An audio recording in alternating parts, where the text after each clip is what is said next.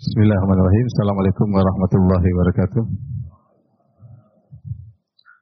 Alhamdulillahi ala ihsani wa syukru lahu ala taufiqihi wa amtinani. Asyhadu an la ilaha illallah wahdahu la syarika lahu ta'ziman li sya'nih.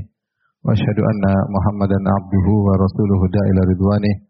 Allahumma salli alaihi wa ala alihi wa ashabihi wa ikhwani. Hadirin hadirat yang dirahmati oleh Allah Subhanahu wa taala, kita lanjutkan pembahasan kita dari tafsir surat Al-Baqarah kita sampai pada ayat 256. Allah Subhanahu wa taala berfirman, "La ikraha fid din." Tidak ada paksaan dalam agama.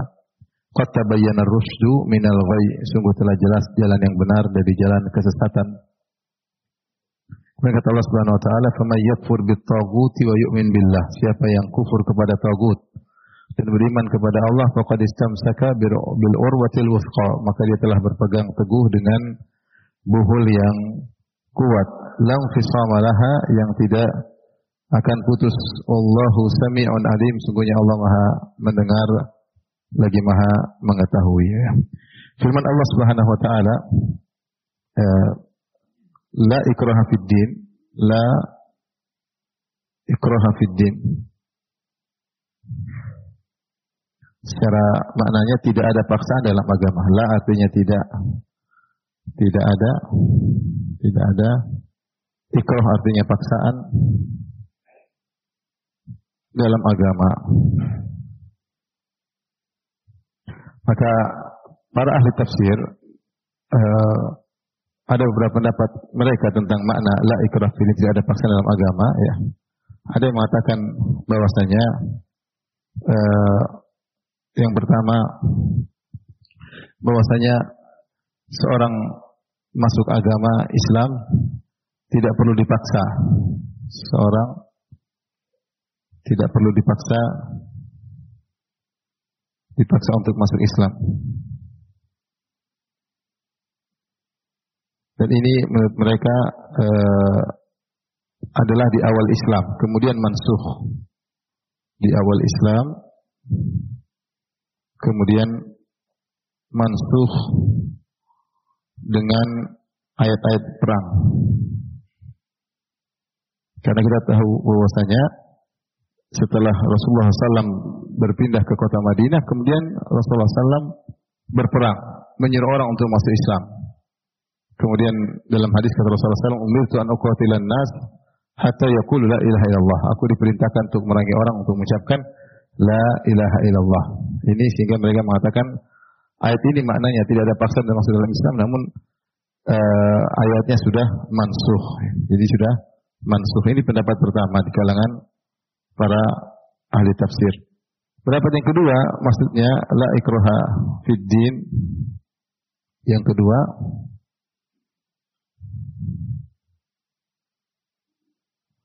bahwasanya ayat ini uh, tidak ada paksaan bagi ahli kitab.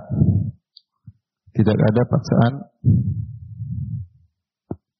bagi ahli kitab. Ahli kitab ya. Dan ini dua dua kondisi tidak ada paksaan bagi ahli kitab untuk masuk Islam. Kondisi pertama ya. Yaitu jika mereka tinggal di negeri Islam, jika tinggal di negeri Islam, harus bayar jizyah. Islam boleh tidak masuk Islam tapi bayar jizyah. Jizyah adalah semacam upeti atau pajak yang dibayar oleh non Muslim uh, ketika mereka tinggal di wilayah kekuatan wilayah kekuasaan Islam.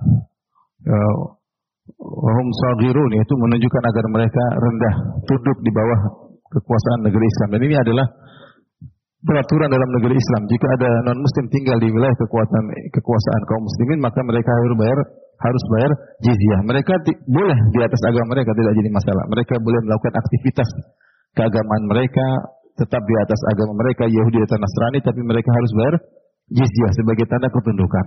Ya.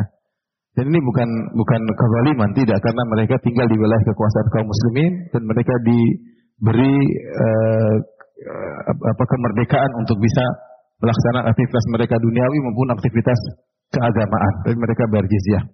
Dan sebagaimana kaum muslimin pun, kalau mereka punya uang banyak, mereka harus bayar zakat sama saja. Cuma karena zakat tidak berlaku bagi orang Yahudi Nasrani, maka mereka bayar jizyah. Dan itu pun kondisi mereka. Berbeda antara satu orang dengan yang lainnya. Sebagaimana kaum muslimin yang tinggal di negeri mereka sendiri harus bayar zakat, maka orang Yahudi dan Nasrani yang tinggal di negeri kaum muslimin harus bayar jizyah sebagai uh, tanda ketundukan dan mereka tidak harus masuk Islam, tidak dipaksa. Silahkan Ben. Atau kondisi yang kedua, kondisi kedua, ketika terjadi pengusiran ini di zaman Nabi Wasallam terjadi pengusiran terhadap Bani Nadir terhadap Bani Nadir ya. Jadi dahulu kaum Ansar ketika sebelum datang Rasulullah SAW berdakwah di kota Madinah, mereka bertetangga dengan Yahudi dan uh, kaum Ansar yaitu suku Al-Aus dan suku Al-Khazraj, ya. Mereka penduduk asli kota Madinah sebelum sebelum datang Islam mereka disebut dengan suku Al-Aus dan suku Al-Khazraj. Setelah Nabi datang kemudian mereka masuk Islam, maka mereka dikenal dengan kaum Al-Ansar, yaitu kaum penolong yang menolong kaum Muhajirin. Sebelum mereka mengenal Islam, mereka dikenal dengan suku Al-Aus dan suku Al-Khazraj. Dan mereka tinggal di Madinah bertetangga dengan orang-orang Yahudi. Bertetangga orang Yahudi. Sehingga ada di antara anak-anak mereka yang beragama Yahudi, masuk agama Yahudi. Bahkan disebutkan ada sebagian wanita Ansar ketika mereka masih musyrik, dia punya anak lahir, kemudian anak tersebut meninggal. Punya anak lagi, lahir anak lagi, meninggal lagi. Sampai akhirnya dia bernazar, kalau anak saya tidak meninggal hidup terus, saya akan jadikan dia beragama Yahudi. Akhirnya benar, ada anak-anak mereka yang akhirnya tidak meninggal dan akhirnya sesuai dengan nazar ibu-ibu mereka, akhirnya mereka dimasukkan dalam agama Yahudi. Kemudian datanglah Islam. Ketika datang Islam, suku As, suku Al-Aus, suku Khazraj pun masuk Islam. Sementara anak-anak mereka tetap beragama Yahudi. Maka setelah mereka mengenal Islam, mereka ingin paksa anak-anak mereka untuk masuk Islam, maka dilarang. Kemudian Bani Nadir akhirnya berkhianat. Ketika Rasulullah SAW datang ke kota Madinah terjadi kesepakatan yang disebut dengan wasiqatul Madinah, piagam kota Madinah, kesepakatan kerjasama, bela negara, tidak boleh berkhianat antara kaum muslimin dengan orang Yahudi. Namun ternyata orang Yahudi berkhianat.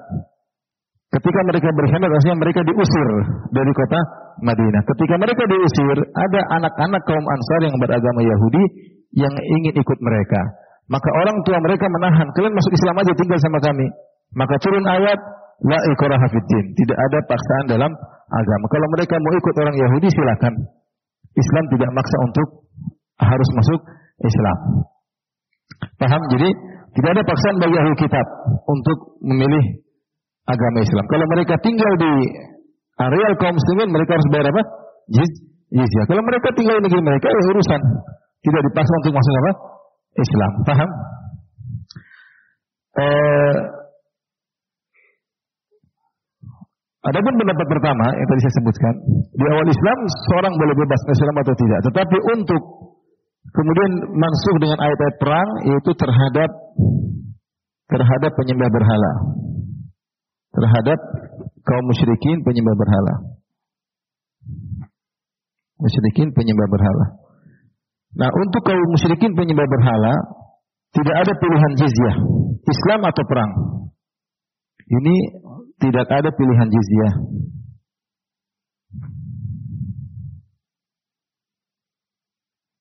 Pilihan cuma dua, yaitu pilihan cuma dua, masuk Islam atau diperangi atau perang. Beda dengan orang-orang Yahudi, kalau terjadi peperangan ada tiga pilihan.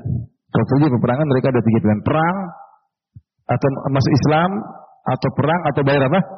Jizyah. Jadi di sini Islam membedakan antara penyembah berhala, orang-orang penyembah berhala di zaman Nabi SAW cuma dua pilihan, perang atau masuk Islam. Adapun ahli kitab, maka mereka ada tiga pilihan, masuk Islam, kalau enggak berperang, kalau enggak di bawah kekuasaan Islam tapi bayar apa? Jiz, jizyah kalau mereka perang dengan kaum muslimin. Ini pendapat kedua, pertama dan kedua. Pendapat ketiga, la ikrah fidin maksudnya Islam itu ditinjau dari Islamnya adalah suatu yang jelas dari ajarannya maka sangat gamblang Orang yang masuk tidak perlu dipaksa.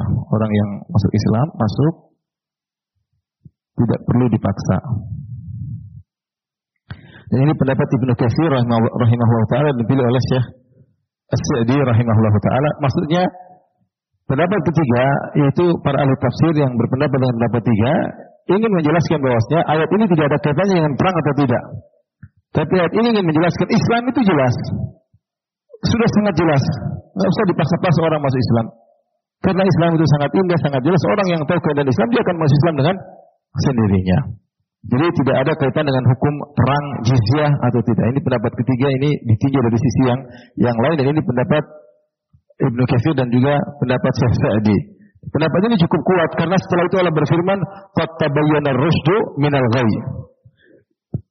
Tidak ada paksaan dalam Islam karena telah jelas jalan kebenaran daripada jalan kebatilan. Ya sudah nggak usah dipaksa. Jadi Islam itu yang masuk harusnya dengan tenang, dengan tentram karena jalan kebenaran telah jelas daripada jalan kebatilan. Baik, ini khilaf di kalangan para tafsir disebut dengan khilaf tanawu. Itu tentang cara menafsirkan, cara pengungkapan tapi tidak kontradiktif dan sering saya sampaikan namanya khilaf dalam tafsir biasanya adalah khilaf tanawu. Tanawu itu berbeda variatif dalam pengungkapan. Variatif dalam mengungkapkan namun tidak terjadi kontradiktif. Contoh seperti ketika mereka menafsirkan ihdinas siratal mustaqim. Tunjukkanlah kami ya Allah kepada jalan yang lurus. Apa yang dimaksud dengan siratal mustaqim? Maka khilaf. Ada yang mengatakan Islam, ada yang mengatakan Al-Qur'an, ada yang mengatakan sunnah Nabi sallallahu alaihi wasallam, ada yang mengatakan Abu Bakar dan Umar, ada yang mengatakan surga. Ini semua tidak tidak ada perbedaan. Hanya maknanya tidak saling kontradiktif. Yang menafsirkan surat al-mustaqim Islam, ya benar. Yang menafsirkan surat al-mustaqim adalah Al-Quran, ya benar. Karena kita disuruh ikut apa? Al-Quran. Yang menafsirkan surat al-mustaqim adalah sunnah Nabi juga benar.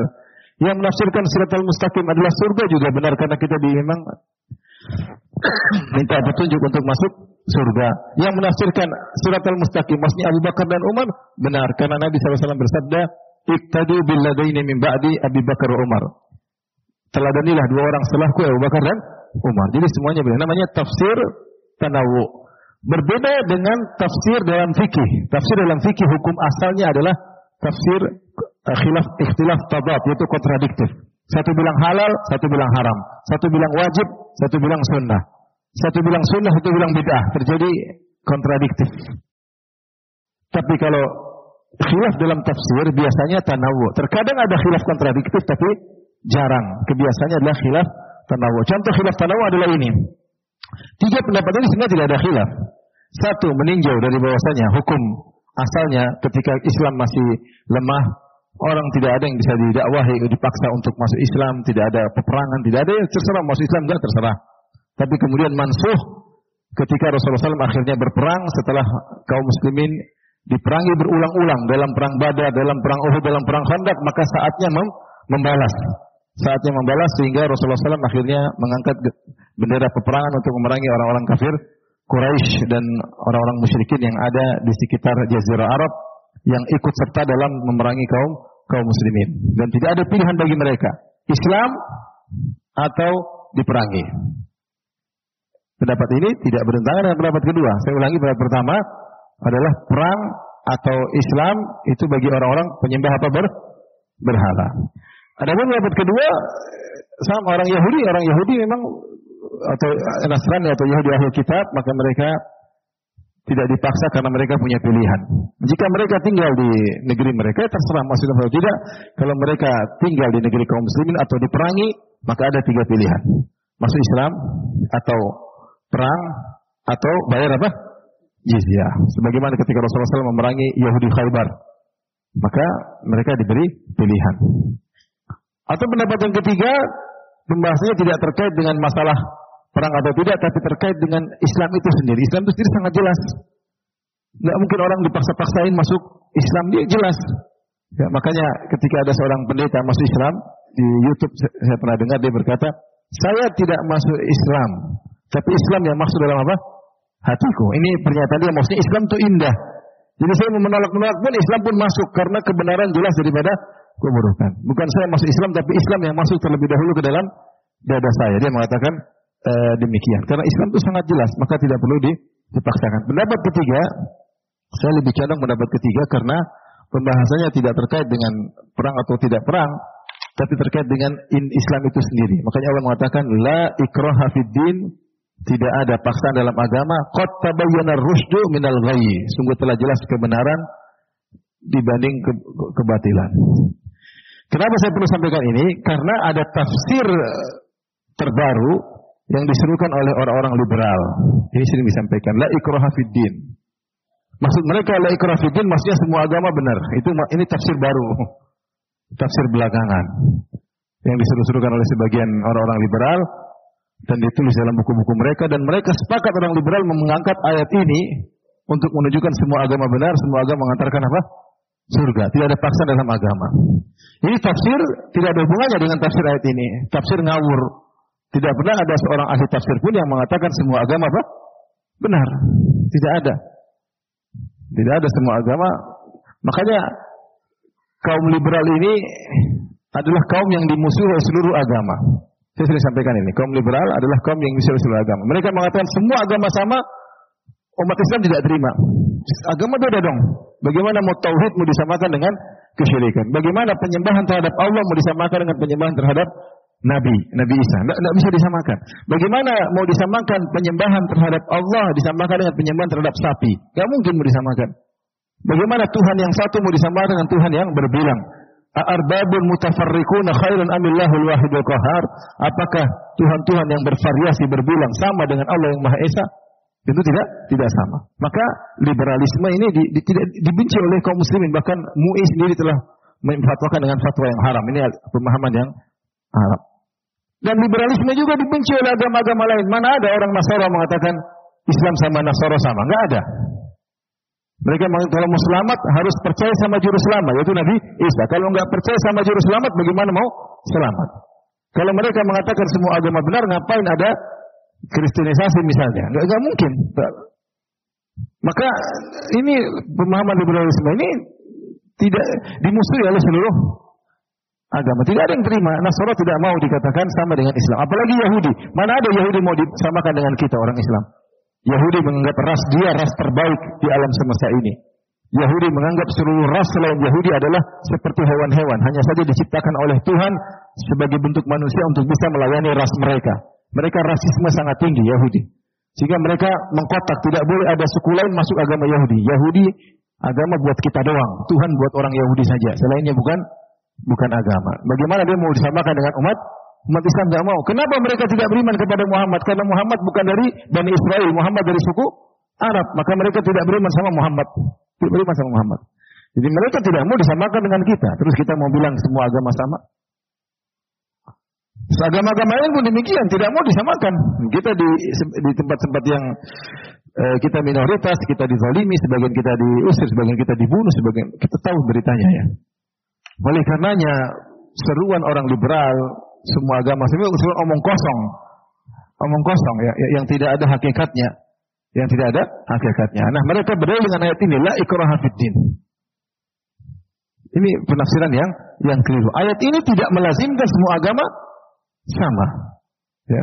Tapi sebagaimana tafsiran kita sudah sebutkan ya. Tidak dipaksa bukan berarti orang Yahudi bayar jizyah itu ada ada suatu bentuk sedikit keterpaksaan ya. Kalau mereka sama nggak mereka nggak perlu bayar apa? Jizyah, paham? Jadi maksud saya eh, waspada dengan pemikiran orang-orang liberalis yang menganggap semua agama adalah sama, semua agama adalah mengantarkan kepada surga. Di surga sana ada surga Yahudi, surga Nasrani, surga Islam, surga Konghucu, surga surga yang lainnya. Ya mungkin ada juga surga ateis mungkin ya. Dari mana seperti ini? Makanya orang liberal ini merusak Islam dari dalam ya lebih dahsyat daripada kerusakan dilakukan oleh non muslim kepada orang Islam. Karena yang menyerukan pemikiran seperti ini bergelar doktor, profesor dan mereka merusak akidah dan juga mereka merusak merusak moral. Moral dari sisi akidah semua syirik dan tauhid dianggap sama, syirik dan tauhid dianggap sama. Dari sisi moral perkara-perkara haram mereka halalkan, homoseksual halal ya. Ngeri. Jilbab tidak pakai jilbab tidak apa-apa. Uh, semua jadi rusak ya. Kalau homoseksual sudah halal apalagi yang yang lainnya. Jadi merusak akidah dan merusak apa? Moral. Ketika mereka sekarang sudah tidak laku, tidak ada yang mendengar lagi, mereka biasanya pakai baju baru lagi, entah nama baru, nama baru yang mereka ungkapkan sebagai mereka ungkap dengan nama Islam inilah, Islam anulah, Islam inilah waspada. Boleh nama baju bergonta-ganti tapi hakikat kita harus tahu apa yang mereka serukan adalah kekufuran. Saya ingin sampaikan ini karena ini sering diungkap oleh sebagian orang liberal, la ikraha fiddin. Jangan usah maksa-maksa ini udah. Benar kita tidak maksa, tapi bukan berarti bukan berarti agama mereka benar seperti kita. Enggak.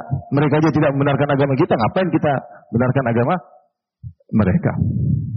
Jadi kalau kita maksudnya silakan toleransi masing-masing menjalankan, oke okay, itu nggak ada masalah. Kita hidup di negara toleransi. Tapi toleransi tidak melazimkan kita semua benar. Sebagaimana mereka tidak mengakui kita benar, kita pun tidak mengakui mereka benar. Tapi masing-masing jalankan apa? Keyakinannya. Ya. Baik. Kita lanjutkan. Ya. Setelah itu Allah Subhanahu wa taala berfirman, "La ikraha fid din, qad tabayyana ar-rusydu minal ghayy." Ya. Sungguh telah jelas ar-rusyd terus artinya jalan kebenaran. Minal ghayy dari keburukan. Siapa artinya di sini Allah mengajak orang-orang non muslim untuk merenungkan tentang ajaran Islam. Kalian renungkanlah ajaran Islam, ajaran komprehensif lengkap, semua diatur tentang akidah jelas ya. Akidahnya sangat logis berbeda dengan akidah agama-agama yang tidak yang tidak logis ya.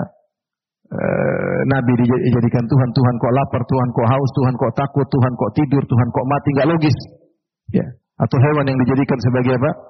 Tuhan juga tidak logis. Gimana Tuhan? Bagaimana hewan yang kemudian diperah susunya, disembelih, tidak bisa berbuat apa-apa, diajak ngomong tidak paham, kemudian diangkat sebagai apa? Di ibadah hingga logis, hingga logis. Ini hewan kok di ibadah hingga logis. Atau Tuhan yang ber yang yang ganda atau tri tri Tuhan, Tuhan ada tiga. Satu Tuhan menciptakan, satu Tuhan merusak, satu Tuhan memelihara.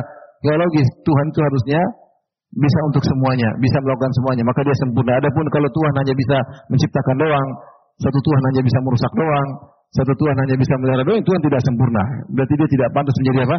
Tuhan karena dia membutuhkan yang lain untuk menjalani roda kehidupan tiga, tiga Tuhan ini harus kerjasama ini tidak tidak pantas menjadi Tuhan Tuhan harusnya sempurna dari segala hal cukup dia sendiri untuk menjalankan semua yang terjadi pada makhluknya maka dari sisi tauhid Tuhan yang benar adalah Tuhan yang memenuhi syarat dalam surat Al-Ikhlas. Qul huwallahu ahad. Dialah Allah yang Maha Esa. Tuhan harus Esa. Allah Samad, Allah Samad yang semua bergantung kepadanya dan dia tidak bergantung kepada siapa pun. Itu baru namanya Tuhan. Kalau dia masih bergantung pada lain dia bukan apa? Tuhan. Lam yulid wa lam yulad. Dia tidak melahirkan. Kalau dia melahirkan berarti ada Tuhan yang sama seperti dia dan berarti dia butuh istri. Walam yulad dan dia tidak dilahirkan. Kalau dia dilahirkan berarti sebelum dia ada Tuhan sebelumnya. Dia tidak pantas menjadi Tuhan. Walam yakullahu kufuwan ahad dan tidak ada sepun yang setara dengan dia. Itulah syarat Tuhan. Dan Allah sebutkan dalam surat Al-Ikhlas. Jadi sisi akidah Islam sangat jelas. Dari sisi sosial misalnya kita ada zakat dengan aturannya yang detail, masya Allah. Ada ekonomi Islam luar biasa yang kita tidak dapat dalam agama-agama yang lain. Tidak ada aturan yang ya, masalah keluarga, masalah pernikahan, masalah cerai dengan aturan-aturannya, mahar lengkap. Masalah hak-hak anak sampai habona, hak-hak anak lengkap, buku fikih lengkap menjelaskan ya. Islam, sisi syariat agama, sisi akhlak bagaimana ajaran akhlak luar biasa. Jadi kalau seorang merunkan dengan dengan dengan hati yang tulus dia tahu bahwasanya ajaran Islam adalah ajaran yang komprehensif, lengkap, sisi akidah, sisi akhlak, sisi ekonomi, sisi keluarga, sisi semuanya lengkap, maka seharusnya dia masuk ke dalam Islam ya. Makanya ketika Rasulullah SAW mendakwahi Khalid bin Walid, Khalid bin Walid masih kafir. Maka Khalid Rasulullah SAW berkata kepada saudaranya, sampaikan kepada Khalid, misluhu La yakhfa alaihi. Orang seperti Khalid tentu tidak samar baginya keindahan Islam. Khalid tahu, cuma dia hanya hawa nafsu aja ketika itu. Orang seperti dia cerdas seperti Khalid bin Walid pasti tidak samar kepada dia tentang indahnya apa?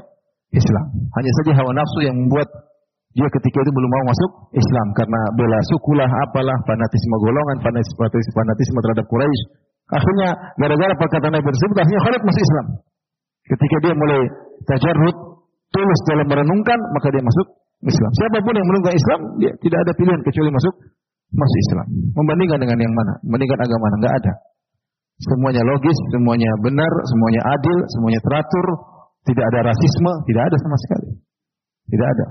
Ya. Bilal yang hitam, budak hitam dari Habasyah, Rasulullah mendengar sendalnya di surga.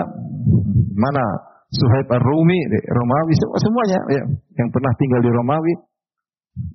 Tidak ada rasisme. Islam adalah agama yang sempurna sehingga kota bayyana rusdu minal ghai. Telah jelas jalan kebenaran dari jalan-jalan kebatilan.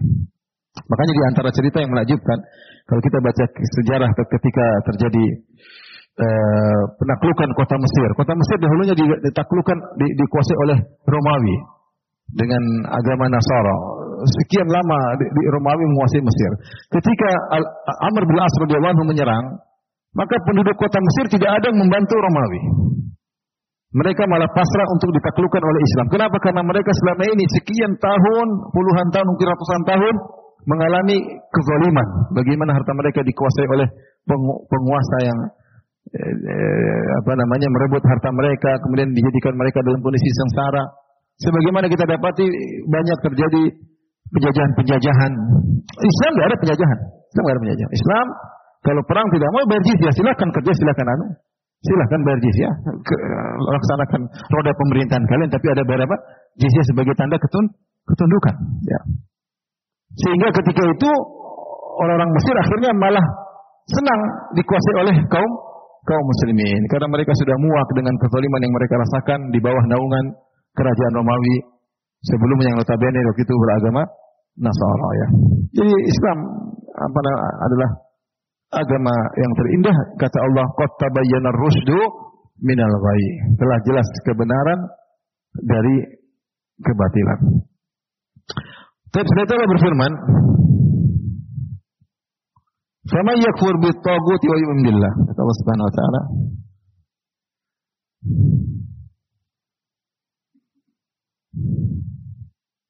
Faman yakfur bit taguti wa yu'min billahi faqad istamsaka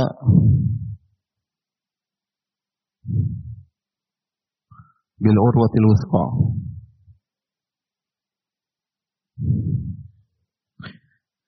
Siapa yang kufur kepada Togut? Siapa yang kufur kepada Togut? Wa yu'min billah dan beriman kepada Allah.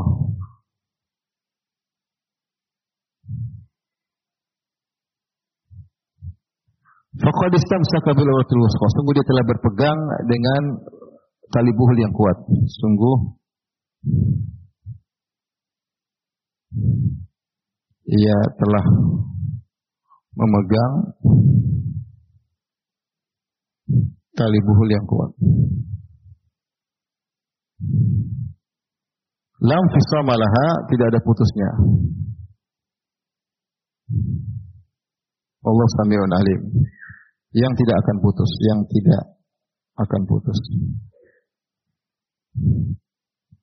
Tapi setelah itu Allah uh, menjelaskan tentang apa namanya pentingnya tauhid kepada Allah Subhanahu wa taala ya. Syarat tauhid agar selamat dua yaitu seperti la ilaha illallah, tidak ada Tuhan yang berhak disembah kecuali siapa?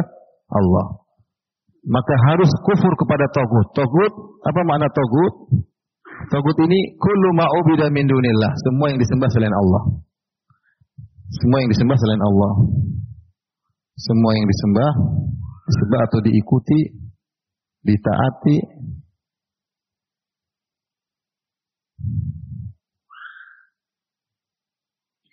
selain Allah dan dia ridha. Dan dia ridha. Ya. Uh, seperti, dijelaskan oleh uh, Ibnu Jarir At-Tabari dalam tafsirnya dan juga Ibnu Qayyim bahwasanya togut diambil kata togo, togo, togo artinya tugian melampaui batas. Togo artinya melampaui batas. Seperti firman Allah Subhanahu wa taala, "Inna lamma togal ma'u hamalnakum fil jariyah." Sungguhnya ketika air telah togo, telah melampaui batas ketika banjir Nabi Nuh. Ketika air melampaui batas itu sampai tinggi sampai seluruh puncak-puncak gunung tertutup oleh air, melampaui batas. Hamalnakum fil jariyah, maka kami angkat kalian Nuh dan dan pengikutnya di atas sebuah kayu, sebuah kapal kayu. Tapi makna togo artinya apa? Melampaui batas. Seperti idhab ila fir'auna innahu togo. Wahai Musa pergilah kepada Fir'aun sungguhnya dia telah togo, telah melampaui apa? Melampaui batas. Dari togo maka diambil kata uh, togut. Togo kemudian mengikuti wazan fa'alut, togayut, kemudian ada perubahan ya di di depan kan, goin di belakang kan jadi toyagut kemudian jadi togut. Saya tulis juga percuma antum tidak paham ya. Saya cuma jelaskan secara sorofnya. Eh, togut diambil dari kalimat togo, kemudian ada wazan fa'alut seperti jabarut, malakut ya. Jadilah togayut, kemudian ada perubahan ya dengan goin, jadilah toyagut, kemudian ya berubah jadi alif jadi togut. Togut intinya kullu ma tajawaza bihil, kullu ma tajawaza al-had min matbu'in atau muta'in atau ma'budin ya semua yang melampaui batas baik yang disembah maupun ditaati atau diikuti ya dan dia ridha dan dia ridha karena tidak semua yang disembah adalah tagut. Contoh malaikat disembah, jadi mereka tidak ridha. Tapi mereka dijadikan tagut oleh penyembahnya. Makanya malaikat pada hari kiamat kelak berlepas diri. Allah bertanya, "Aha ula'i iyyakum kanu ya'budun?" Wahai para malaikat, apakah mereka dulu menyembah kalian hari kiamat. Allah hadirkan malaikat dan Allah hadirkan para penyembah malaikat. Maka malaikat berlepas diri kata malaikat, Subhanaka anta waliyuna min dunihim. Bal kanu jinna.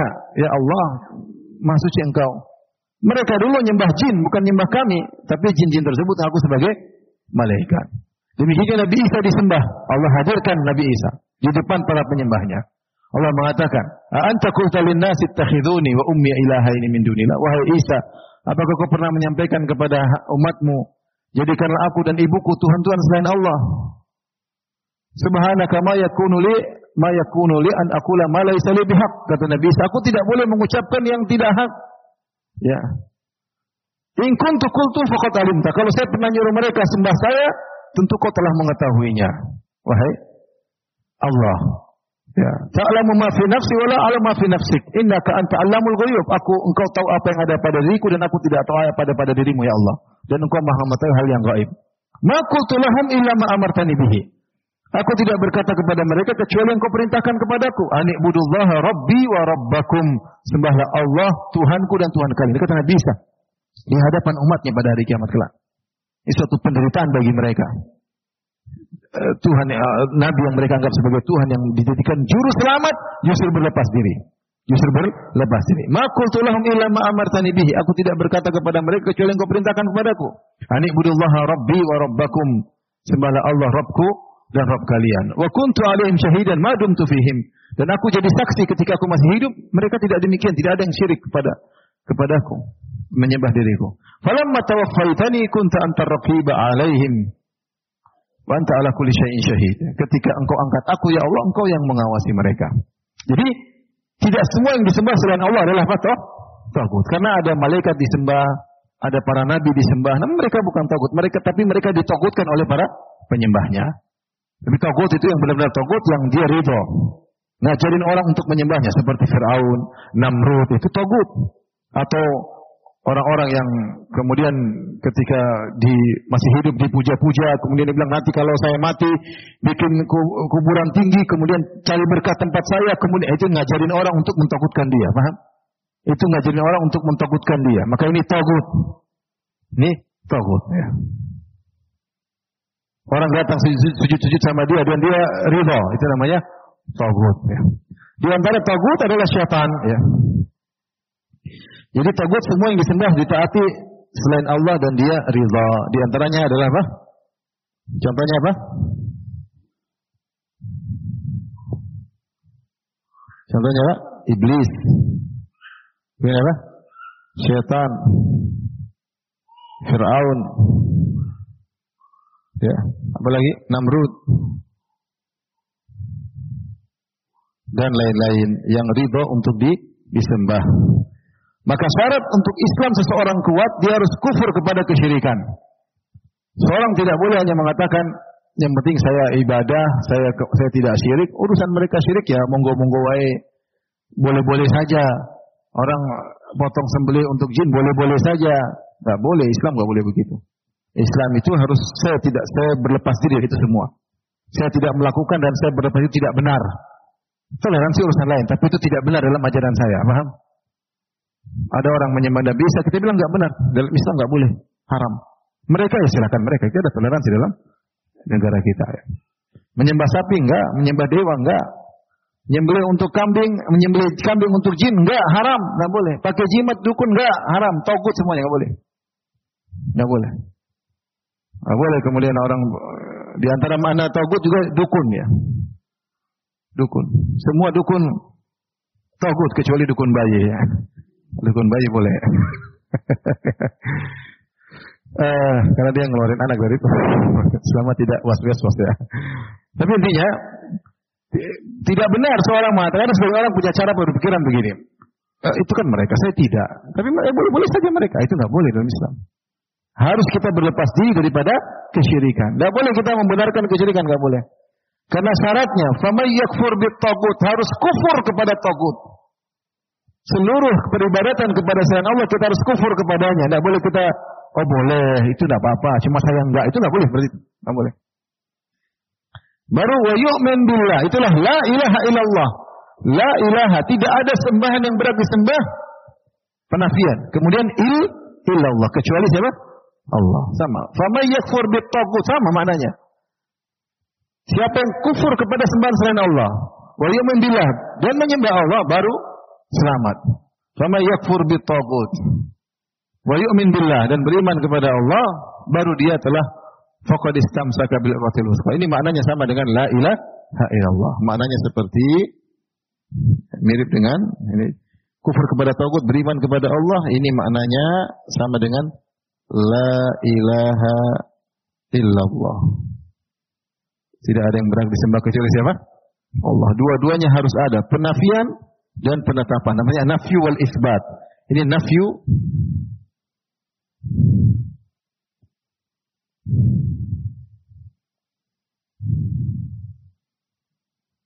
Ini namanya an-nafyu. Penafian ini al-isbat.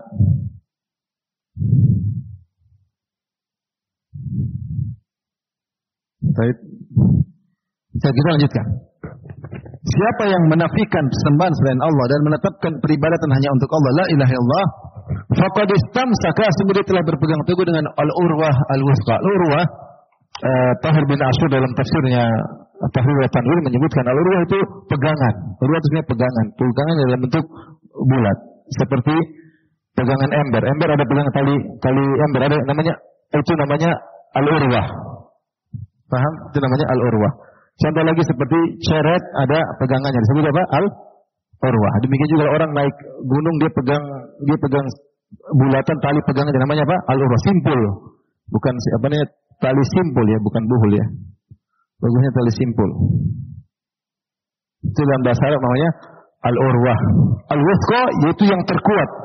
Al-wuthqa artinya yang dari dari wathiqa atau wathiqa maknanya al-awsaq.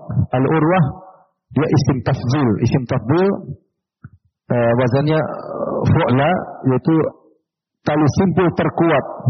Terkuat yang diikat sangat kuat. Makanya setelah itu berkata, "Lau fisamalaha," tidak akan terputus. Infisam itu terputus setelah terikat terputus namanya infisam. Ya. Infisam. Jadi tali tersebut tidak akan terputus. Karena apa? Karena dia sudah nafi isbat. Dia sudah berlepas dari kesyirikan dan dia tauhid, dia beribadah kepada Allah, maka dia telah berpegang teguh dengan tali simpul yang sangat kuat. Seakan-akan Allah mengibaratkan orang-orang yang turun dari gunung misalnya kemudian megang apa? tali. Ada orang punya tali-tali tapi talinya lemah. Talinya lemah. Imannya goyang. Dia mungkin ibadah sama Allah tapi dia tidak kumur kepada Tagut. Atau dalam ibadahnya tercampur dengan kesyirikan. Seperti ini tidak selamat. Tidak selamat. Yang selamat murni. Simpulnya murni. Dia tidak berpegang, dia berkufur dari segala bentuk kesyirikan. Dia hanya berpegang teguh sama Allah. Maka dia telah memegang tali simpul yang sangat kuat yang tidak akan terputus. Tidak akan terus. Maka, Allah alam bisawab. Jika seorang benar-benar selalu memurnikan hatinya ikhlas karena Allah Subhanahu wa taala dalam segala kegiatannya, maka insya Allah dia tidak akan tersesat. Kalau dia tersesat, dia akan segera kembali. Kenapa? Karena dia selalu bergantung kepada Allah Subhanahu wa taala. Kapan seorang mudah tersesat? Ketika dia bergantung kepada selain Allah. Bergantung kepada makhluk, bergantung kepada sebab. Suatu saat dia akan terjungkal, terjerumus. Atau dia bergantung pada dirinya sendiri, ujub. Maka suatu saat dia tersesat. Ketika seorang berkata, La haula wa la quwata illa billah. Tidak ada daya, upaya, kecuali hanya siapa? Allah. Hatinya fokus dalam segala kegiatannya. Hanya Allah yang menolong dia. Maka dia tidak akan tersesat. Dia tahu semua di depan mati ini hanyalah sebab yang beri dia hidayah, yang beri dia petunjuk, yang menggiring dia kepada kebenaran, yang beri dia kesehatan, yang berikan dia rezeki, yang berikan semuanya hanya Allah. Orang seperti ini tidak akan tersesat karena Allah jamin. Sama yakfur bitagut. Wa yu'min billah. Siapa yang berpegang teguh dengan uh, siapa yang kufur kepada tagut, kemudian berpegang teguh dengan tauhid, beriman kepada Allah, maka dia telah berpegang dengan tali yang simpul yang sangat kuat tidak akan terputus. Berbeda dengan orang yang simpulnya nggak kuat. Entah dia tidak kufur kepada tagut atau dia campurkan imannya dengan kesyirikan tidak akan kuat. Suatu saat bisa lepas, suatu saat bisa jadi harus. Tapi kalau tauhid dia akan saking kuatnya. Makanya setelah itu kita lanjut ayat berikutnya. Allah berfirman di akhirat, "Wallahu sami'un alim." Allah Maha mendengar dan Maha mengetahui. Allah Maha mendengar uh, dan maha mengetahui ucapan kalian, isi hati kalian Allah maha mengetahui. Setelah berfirman, ini sudah. Allah waliyul ladina amanu. Ini ayat terakhir kita bahas pada kali ini.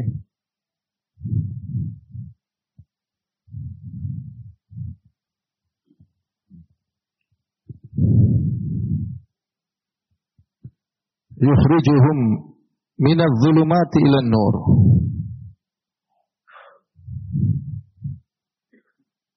walladzina kafaru awliya'uhum at-taghut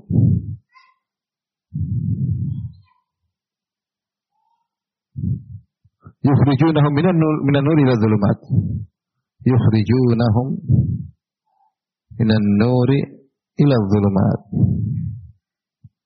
ulaika ashabun narihum fiha khalidun Tafsirnya Allah berfirman Allah wali, wali itu pengurus seperti wali yatim, paham?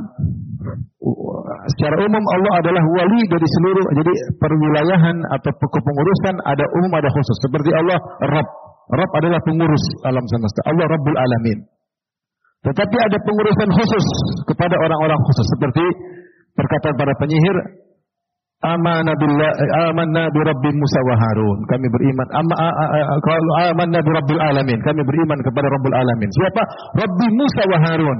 Rabbi Musa wa Harun. Yaitu Rabbul alamin Allah mengurusi alam semesta secara umum dan Allah khusus mengurusi Musa dan siapa? Harun. Allah adalah pengurus seluruh alam semesta, tapi Allah ada pengurusan khusus terhadap kaum mukminin. Allahu waliyul ladzina amanu. Allah mengurusi perhatikan secara khusus. Paham? Seperti al-ma'iyah, kebersamaan juga demikian. Ya, wallahu ma'akum wallahu ma'ahum aina aina makanu, ya. Wallahu ma'ahum uh, aina makanu, ya. Di mana pun mereka berada, uh, Allah bersama mereka, ya. Allah bersama mereka, ya. Tetapi ada kebersamaan khusus. Wallahu ma'as sabirin. Allah bersama orang yang sabar. Ini kebersamaan khusus. Kebersamaan khusus ini mengkonsekuensikan perhatian khusus. Perhatian khusus tersebut adalah pertolongan, ta'yid, an-nasr. Jadi jangan jangan kita paham Allah tidak ngurus alam semesta semua yang ngurus siapa? Allah. Tapi ada kepengurusan khusus kepada orang-orang yang beriman. Sebagaimana Allah bersama seluruh manusia, seluruh makhluk, ilmu Allah bersama mereka. Tapi ada kebersamaan khusus terhadap orang yang sabar, orang yang ya, yang bertakwa. Ada kebersamaan khusus itu kebersamaan khusus dari Allah yang mengharuskan Allah menolong mereka ketika mereka membutuhkan. Baik, Allah mengatakan Allah waliyul ladzina amanu. Allah pengurus orang yang beriman. Di sini wali ya pengurus, pelindung, ya, seperti wali yatim. Wali yatim apa maksud kita paham kan? Wali anak yatim yang ngurusi, yang melindungi, ada permasalahan dia ngurusi. Seperti wali murid, seperti wali semuanya namanya pengurus. Allah yang ngurusi orang yang beriman.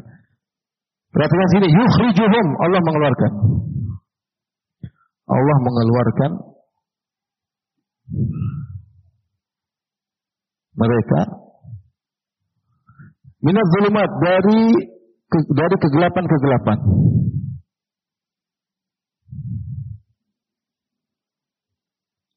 Kepada cahaya.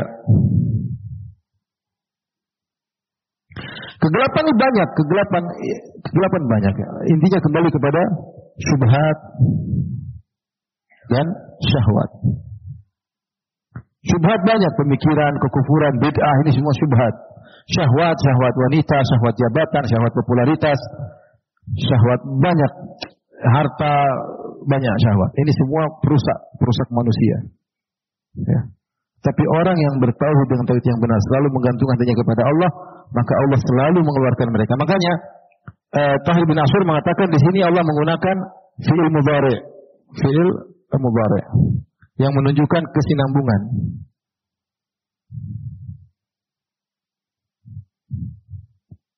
Kalau bahasa Inggris apa itu? Saya nggak tahu. Ada namanya past ada past yang selanjutnya menunjukkan sedang berlangsung apa namanya? Hah? Continuous tense itu kira-kira begitu. Continuous tense. Jadi kesinambungan. Jadi Allah senantiasa mengeluarkan mereka dari kegelapan menuju terang benderang. Setiap mereka diganggu dengan syubhat, setiap mereka diganggu dengan syahwat, Allah selalu mengeluarkan mereka. Kenapa? Karena Allah ngurusi mereka secara khusus. Kenapa Allah ngurusi, ngurusi mereka secara khusus? Karena mereka bertauhid dengan tauhid yang benar. Tidak ada ketergantungan dalam diri mereka selain Allah. Kita ini kenapa kita terjerumus dalam syahwat, terjerumus dalam syubhat? Karena kita masih bergantung kepada selain Allah. Benar kita tidak kedukun, benar kita tidak pakai jimat, benar kita tidak motong nyembelih hewan kepada jin, enggak, tapi hati kita masih tergantung. Tergantung kepada sebab materi, tergantung kepada harapan-harapan kepada makhluk. Sehingga tauhid tidak murni. Ketika itu tidak murni, kadang Allah keluarkan kita dari kezulumat, terkadang Allah membiarkan kita dalam apa? Zulumat.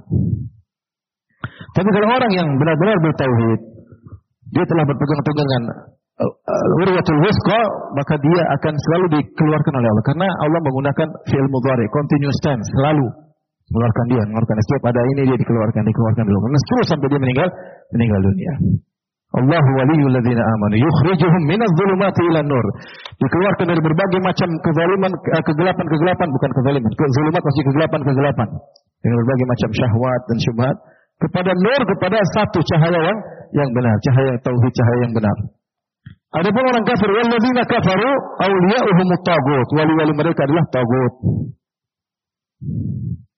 Wali-wali mereka adalah tagut. Yukhrijunahum minan nuri wa zulumat. Mereka dikeluarkan dari cahaya menuju kepada kegelapan-kegelapan. Orang kafir seperti itu. Ya, orang kafir seperti seperti itu. Ulaika ashabun narihum fiha khalidun. Mereka penghuni neraka jahanam dan mereka kekal di dalamnya. Karena mereka meninggalkan tauhid, maka mereka selalu di, diarahkan oleh togut-togut mereka. Di antaranya syaitan sebagai togut mereka yang mengirimkan hawa nafsu kepada yang apa mengiring hawa nafsu mereka sehingga mereka selalu terjebak dalam kegelapan, dalam kegelapan, dalam syahwat, dalam eh, syubhat, dalam beda-beda dengan orang-orang yang uh, bertauhid. Makanya setelah itu setelah ayat ini akan kita sampaikan nanti pada pertemuan berikutnya. Allah menyebutkan beberapa kisah bagaimana orang bertauhid Allah selalu bimbing. Maka Allah sebutkan pertama adalah kisah debat antara siapa? Ibrahim dengan Namrud nanti setelah ayat ini. Bagaimana Allah membela Ibrahim menguatkan Ibrahim dalam berhujah. Allah ilhamkan kepada Ibrahim untuk berhujah dan mengalahkan apa? Namrud. Kenapa? Karena dia ahli tauhid. Setelah itu kisah seorang yang melewati sebuah tempat yang hancur lebur kemudian Allah matikan dia Allah hidupkanlah dia Allah jelaskan bahwasanya Allah maha kuasa atas segala sesuatu ketika timbul sesuatu Allah selamatkan timbul mungkin keraguan atau sesuatu pertanyaan Allah jawab pertanyaan ketika itu dia melihat bumi apa kota sudah hancur kok apa bisa kembali lagi ada pertanyaan dalam dirinya maka Allah jawab langsung ketika kenapa karena dia ahli tauhid kemudian juga Nabi Ibrahim alaihissalam ketika ingin diperlihatkan bagaimana Allah menghidupkan yang mati Allah bertanya, "Awalam tu'min? Kau tidak beriman?" Kata Ibrahim, "Bala, walakin liyatma'inna qalbi." Saya sudah beriman, tapi saya ingin tambah lagi apa? Keimananku. Maka Allah kasih jawaban langsung. Kenapa mereka semua diurus oleh Allah langsung? Karena mereka ahli tauhid. Dan demikian kalau orang selalu di atas tauhid, selalu bergantung kepada Allah, pasti ada dengan tentu berikhtiar maksud saya. Maka akan ada jalan-jalan keluar dari arah yang dia tidak sangka-sangka. Tapi demikian saja, mohon maaf uh, ada pertanyaan tidak bisa saya jawab. Subhanakallah bihamdika asyhadu an la ilaha illa anta astaghfiruka wa atubu ilaik. Assalamualaikum warahmatullahi wabarakatuh.